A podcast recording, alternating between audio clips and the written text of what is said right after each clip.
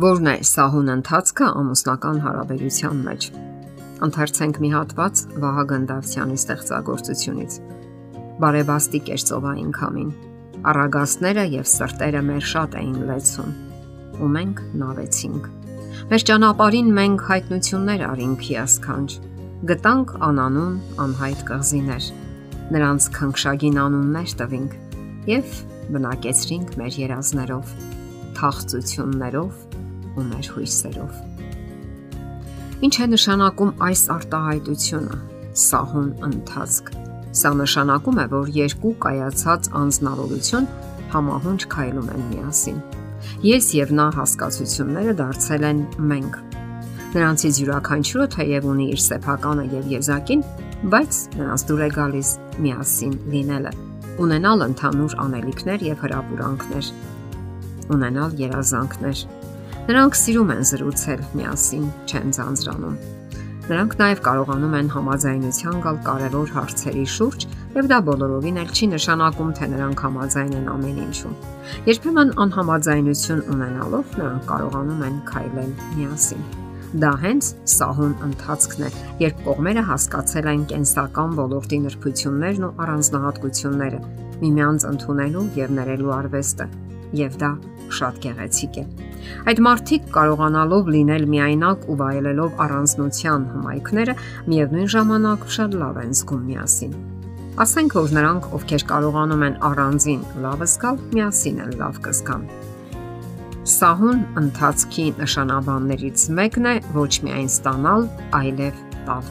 Սա այն հիմնախնդիրներից մեկն է, որ մեծապես մուտք է գործում նաև ամուսնական դաշտ Կան մարդիկ, որոնց ինչ որ մեկը պետք է անընդհատ զբաղեցնի, զվարճացնի, իսկ իրենք պետք է լինեն ստացողի դերում։ Իրականում այս օրինակ մարդիկ ի վիճակի չեն նաև տալու։ Սեփական եսասիրությունն է գլուխ բարձրացնում։ Եվ սահուն ընթացք նշանակում է համագործակցել ոչ միայն ստանալ, նաև տալ, ինչի կարիքն ունի դիմացինը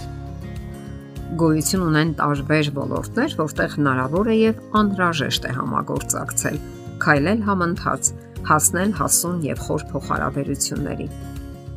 Պետք է հասկանալ միմյանց, ընդունել դիմացինին, սովորել ներելու եւ ներումը ճիշտ ընդունելու արվեստը։ Իսկ դա բազմաթիվ տարիների փորձառության արդյունք է։ Ահա թե ինչու իսկական սերը հնարավոր է այն դեպքում, երբ յուրացնում ենք համագործակցելու եւ համակայլ ընթանալու արվեստը։ Ոմանք կարող են ասել. մենք չենք տիրապետում այդ արվեստին։ Այդ դեպքում մնում է սովորել այն, հմտանալ եւ երջանկությունը երկար սпасեցնել չի տա։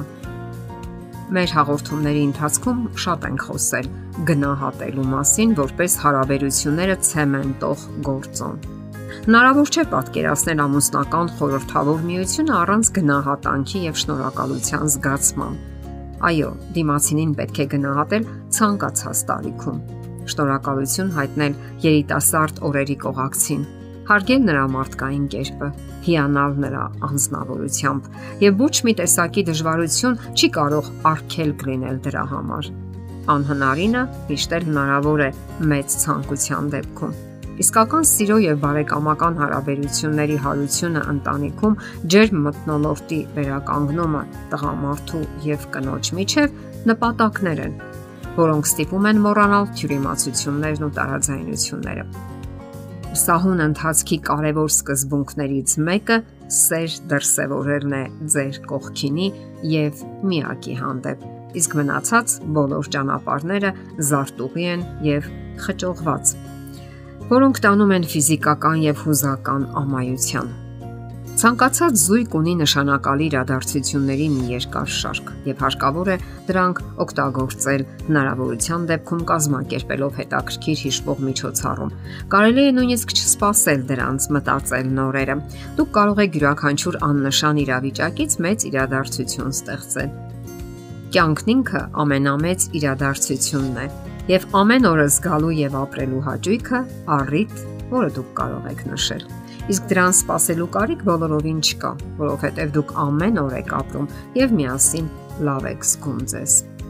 Պետք է լինել նախաձեռնող։ Եթե սпасեք, որ դիմացին առաջինը սկսի նախաձեռնել, հնարավոր է երկար սпасեք։ Ուրեմն դուք պետք է լինեք նախաձեռնողը, այլ ոչ թե անպայման դիմացինը։ Տղամարդիկ կարող են ինքնատիպ նվերներ գնել, կնոջը հրավիրել որևէ տեղ, իսկ կանայք կարող են հետաքրքիր ճաշատեսակներ պատրաստել կամ էլ ցանկություն հայտնել, թե հատկապես ուր կցանկանային գնալ։ Ընդհանրապես հարկավոր է նկատել, որ ձանձրացող տխուր մարդիկ այդպիսին են նաև ընտանեկան կյանքում եւ բավականությունները որոնում են ընտանիքից դուրս։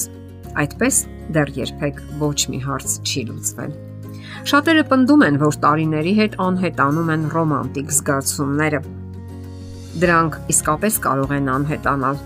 եթե կողմերը ոչ մի ջանք չանեն զգացումները համատեղ գործողություններով եւ արարքներով թարմացնելու համար կիսվելով եւ ավելի ու ավելի լավ ճանաչելով միմյանց։ Միշտ էլ հնարավոր է գտնել համատեղ զվարճության աղբյուրներ, իսկ նստելով եւ սпасելով երջանկության երկնային մանանային ոչինչի չեք հասնի։ Պարզապես եղեք ստեղծագործող անznավորություն եւ ապահովեք ընտանեկան կարգի սահուն ընթացքը։ Շատերը տարիների հետ ծերանում են ոչ միայն մարմնով, այլև հոգով եւ կորցնում են հետաքրքրությունը ամեն ինչի հանդեպ կամ սկսում են որոնել զվարճության աղբյուրներ ընտանիքից դուրս։ Շատերը բռնում են դավաճանության չարթարացվող ուղին, որը երբեք էլ ելք չէ եւ ավելի է խարխլում հարաբերությունները։ Դե ինչ, գնահատեք կյանքը։ Սիրեք նրա մեծ ու փոքր ուրախությունները։ Երիտասարդությունը արագ է անցնում հասունության տարիները նույնպես եւ մի պահի կանգնում ենք մայրամուտի առաջ։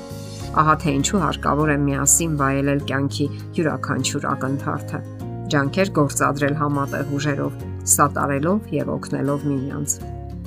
Սահուն ընթացք միանգամայն հնարավոր է եւ անհրաժեշտ։ Բացեք ընտանեկան նավակի առագաստները եւ ընթացեք առաջ։ Եթերում ընտանիք հաղորդաշարներ։ Հարցերի եւ առաջարկությունների համար զանգահարել 033 87 87 87 հեռախոսահամարով։